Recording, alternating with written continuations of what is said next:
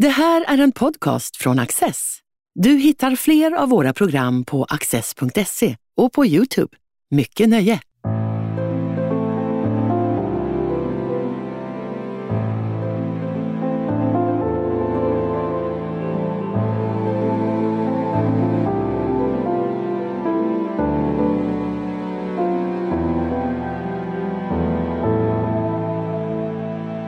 Hej och välkomna till en ny bok.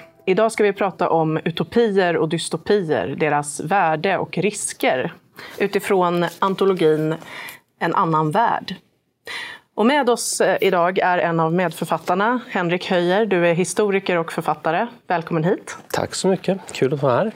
Henrik, du har ju framförallt tittat på hur 60-, 70 och 80-talets forskare föreställer sig framtiden, det vill säga den tid vi lever i idag. Vad är det som är mest slående när du läser deras förutsägelser om framtiden? Att det inte går att förutsäga framtiden. För de hade väldigt fel. Och vad är det de har fel om? Jag har då läst en mängd olika böcker och rapporter med lite vetenskapliga anspråk. Det handlar inte om science fiction-filmer och sånt, utan forskare som påstår sig vara framtidsforskare.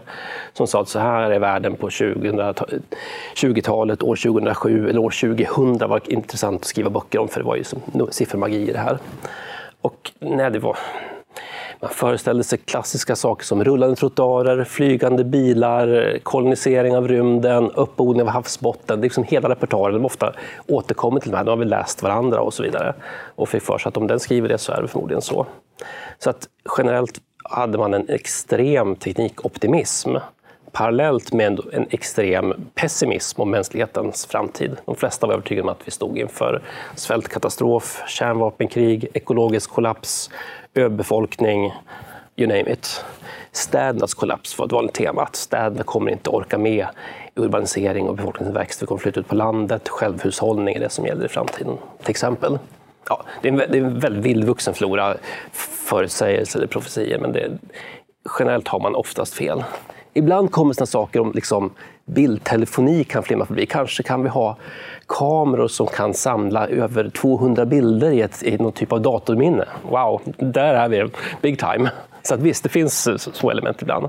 Ja, för man får nästan uppfattningen av att teknikutvecklingen överskattas, men där är ju en underskattning då snarare. Ja, ibland underskattar man, ofta överskattar man. Men titta på flyget. Som flyg, om man flyger en vanligt alltså, vad säger man, charterplan eller jetplan till, över till Atlanten, det har sett ut ungefär likadant för 50 år sedan. Det har inte hänt jättemycket där. De går ungefär lika snabbt, men man har en bild om att de skulle flyga i max, 4, max 6 eller max 4 eller något sånt här i jättelika flygplan. Det pratas om eh, ubåtar som kunde gå under Atlanten på ett eller två dygn och så vidare. Så man hade väldig eh, överskattning av teknikutveckling. Eh, du nämnde ju den här pessimismen och det var en sak jag noterade när jag läste ditt kapitel. Mm. Och det är att i, i västvärlden, då är de västerländska eh, framtidsforskarna överlag väldigt pessimistiska. Mm. Eh, men däremot i Sovjetunionen, där är de ryska forskarna betydligt mer optimistiska. Vad tror du den här skillnaden består i? Ja, jag har ju faktiskt en av de här böckerna, ett rep reportage från nästa århundrade, en sån här typisk bok. Skrevs i Sovjetunionen på runt slutet 50-talet, översatt till Sverige 62, som handlar om världen 2007 av någon anledning. Och det här är ju någon slags pamflett för Sovjetunionen och kommunismens eh, fantastiska framtid, skulle jag säga, som en reklambroschyr. Jag tror inte de trodde på det själva, att man skulle odla upp öknarna i sovjetiska centralasien, man skulle ha en utrota cancern eh, och samtidigt sa man att man skulle ha en befolkning i världen på 30 miljarder invånare. Rymden koloniserad, också att man skulle sova en till två timmar per dygn. Man skulle alltså göra om Homo sapiens till något annat, välja kön på barnen och så vidare.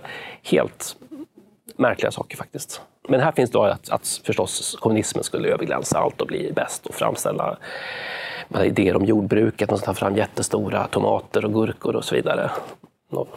Genmodifiering. Men eh, ingenting om att kommunismen skulle kollapsa och sådana saker. Så det, kanske, det var liksom dels en, i alla fall till viss del en produkt av någon slags propagandaarbete? Man, efterhand läser jag i alla fall så, att det handlar om att eftersom 50-talets Sovjet kanske inte var så jättelysande måste man liksom påskina att om 50 år eller 70 år kommer det vara fantastiskt. Nu har du ju framförallt inte tittat på sci-fi, men den, den, har ju verkligen gått från otroligt optimistisk på 60-talet ja. till en mer pessimism nu. Jo. Och du skriver också att man bör fokusera på problemen. Hur kommer det sig? Jo, men den här, man kan ju tycka att man var överdrivet alarmistisk, har varit, och man kan då peka finger att man hade fel. Jag tror Nathan Sacher nämner det här med skogsdöden i sitt kapitel i den här boken.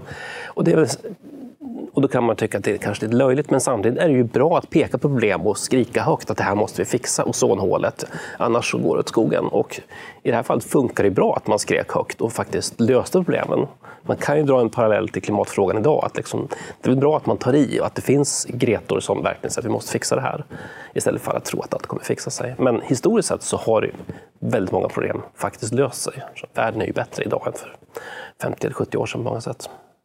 Ja, du nämner ju begreppet eh, självupphävande profetia, då, som inte ska förväxlas med eh, självuppfyllande profetia. Nej. Är det det du är inne lite på? där? Exakt. exakt. Det ordet har lånat från en av framtidsforskarna på Institutet för framtidsstudier som faktiskt finns här i Stockholm. Som tog form på 70-talet och ägnade sig åt prognoser. Nu har de sen sagt att vi kan inte forska om framtiden. De håller, mer, håller på med alltså scenarioutveckling och konsekvensanalyser och så vidare, vilket är någonting annat. Men de det här också, fart i Sverige på den tiden. Man motionerade om framtidsforskning 1969 tror jag, i riksdagen och eh, Alva Myrdal drog igång sådana saker på 70-talet. Men eh, det här var ju en tid när det här drog igång internationellt. 1967 grundades tidskriften The Futurist. Det här var ju liksom inför månlandningen en väldigt dynamisk tid. P-pillret, en mängd hela världen var i rörelse. Det är klart man liksom drog ut linjen och tänkte att herregud, om 30 år, liksom, om vi kan åka till månen nu, vad kan vi inte göra om ett par decennier? Så det är rätt förståeligt att man blev så till sig under tiden. Men jag kan bara lägga till en annan sån bok jag läst. Framtidskocken kom, kom under tiden av Alvin Toffler, såldes 6 miljoner exemplar. Massa språk handlar ju också om att just den här förändringstakten, att människans, människans psykofysik kommer inte klara av den här förändringen, skriver han och har exempel på att, att det är en slags sjukdom, hela, hela förändringen och framtiden. Och kallar det för future shock, framtidschocken. Eh, ganska tråkig bok att läsa idag tycker jag.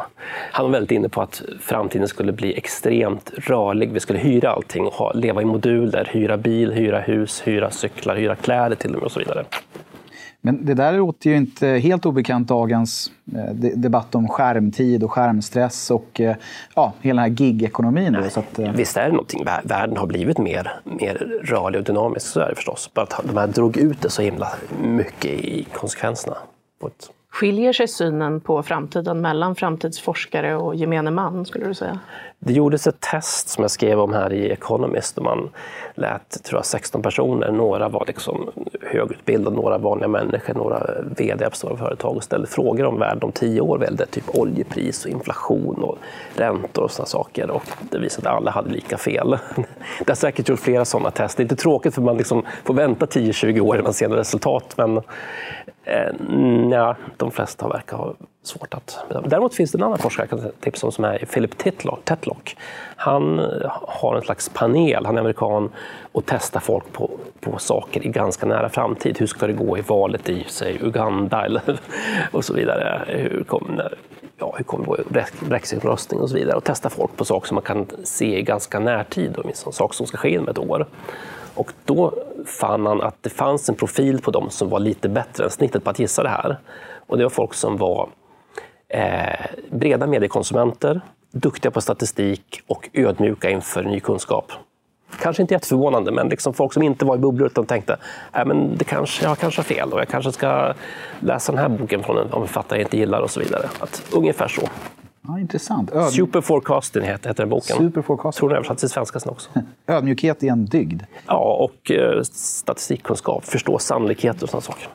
Du skriver också i ditt kapitel att, att framtidsforskningen tenderar att, att eh, extrapolera trender, eller man, man överskattar trendernas betydelse samtidigt som enskilda händelser underskattas. Till exempel så är det ingen av forskarna som förutsäger eh, ser en framtid utan Sovjetunionen. Mm. Eh, med det bakhuvudet, vad tror du dagens framtidsforskare tenderar att missa?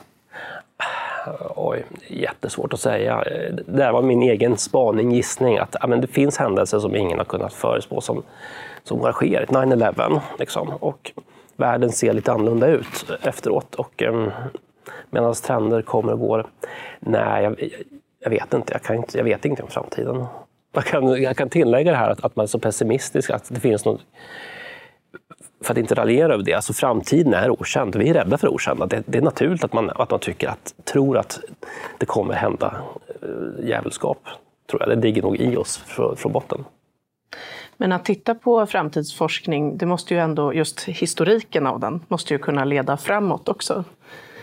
Ja, kanske. Jag tänker mest att vara ödmjuk inför framtiden. Att, att de här ganska tvärsäkra idéerna om att vi ska odla upp havsbotten eller att eh, ska göra ska ta för exempel att man tror att man kan bestämma kön på barnen väldigt enkelt med några piller. IQ-piller, IQ-sprutor pratas det om. Ta en tablett och så får du IQ på 140, att det skulle vara en möjlighet.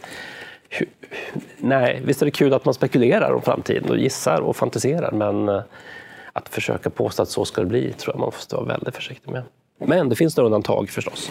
Vi vet ju att vi kan ju liksom bedöma saker i, i, på ganska kort tid. Alltså, valresultat är man i opinionsinstitut ganska bra på att pitcha in att Moderaterna eller Socialdemokraterna kommer få si så många procent. Så visst kan man göra sådana saker. Och demografi är ju ett ämne som har väldigt långsiktiga och sega trender där man kan titta lite grann i framtiden. Tror jag. Men teknik om 40 år, jag vet inte vad ni tror. Vi har för grundkår om 40 år, jag har ingen aning. Innan vi rundar av så är vi lite nyfikna också på om du har hittat något intressant exempel ur eh, något av de andra bidragen i antologin? Ja, jag fick den som sagt häromdagen. Jag började läsa Nathan Sachars text och han är en väldigt god stilist och allt intressant att läsa. Så den ska jag läsa först av allt. Sen är jag även nyfiken på Christian Abrahamsson och flera av de andra. Vad är det i temat dystopi och utopi som är så lockande? Ja, ja alla är intresserade av framtiden. Mm. Både sin egen och världens förstås. Det, det, är klart att det är en av världens äldsta yrken att vara alltså orakel, siare, profet. Det fanns ju i antiken och det har tagit olika namn och idag har vi, eller sen 60-70-talet, framtidsforskare. Idag finns det så här framtidsinstitut, Kairos Futures och sånt. Så det är klart det alltid lockar att kunna säga någonting om vad som ska ske efter morgondagen. Det är man alltid nyfiken på. Du nämnde ju slutet av 60-talet där att det, var då man startade upp många av de här instituten och framtidsforskning var liksom Framtidsforskningen var ganska i ropet, det var hett, ja. man satt, lade mycket pengar på det. Ja. Eh, hur ser det ut idag? Det känns inte som att det är lika aktuellt på något sätt. Nej, jag tror det blev en baksmälla av de här ganska tvärsäkra. Och det var ju, det var ju en jättegenre att skriva sådana böcker. Den här sålde ju många miljoner. Alltså. Men jag menar, efterhand så nej, en baksmälla tror jag. Och så, Institutet för framtidsstudier sitter ju inte och skriver rapporter om så här är det i Sverige på 2070-talet. De håller på med mycket mera kortsiktiga prognoser och mer ganska ja, vanlig samhällsforskning. Vad tror du själv om framtiden? Ja, det är ju dumt att komma med några prognoser nu när jag suttit och dissat alla, men det finns ju några megatrender som jag sett i mänsklighetens historia som jag tror kommer fortgå, mm. om jag nu får sticka ut hakan här. Urbanisering har ju, alltså städer är en jättebra idé, det verkar man tycka över hela världen, över hela jordklotet. Det kommer fortsätta, vi kommer bo mer och mer städer. Eh, sekularisering, religionen hade sitt grepp över mänskligheten järnhårt fram till för kanske 200 år sedan. Sen har det mer och mer börjat dala, tror jag. Och sen att vi får mindre familjer. Alltså vi föder, kvinnor föder färre och färre barn. För bara ett halvsekel, halvsekel sedan födde man i snitt fem barn per kvinna på jorden. Nu är det nere på två och en halv. När man kan kontrollera sin, sin, alltså sin reproduktion och bli mer utbildad vill man ha två barn. Det verkar vara en sån här norm när man gjort opinionsundersökningar och även om man tittar sig omkring folk med två barn. Så där tror jag vi kommer vara om 30 eller 50 år, tvåbarnsfamiljer och, och därmed en avstannande befolkningstillväxt i världen. Det vågar jag säga någonting om, men ingenting om kolonisering av rymden eller rullande trottoarer. Det tror jag vi får vänta på länge. Paul Ehrlich, han får inte rätt till slut ändå? Om uh, population bomb? Nej, det verkar inte. Han hade ett fel redan på 80-talet om det här. Henrik Höjer, tack för att du ville komma hit. Stort tack. Du har just lyssnat på en podcast från Access.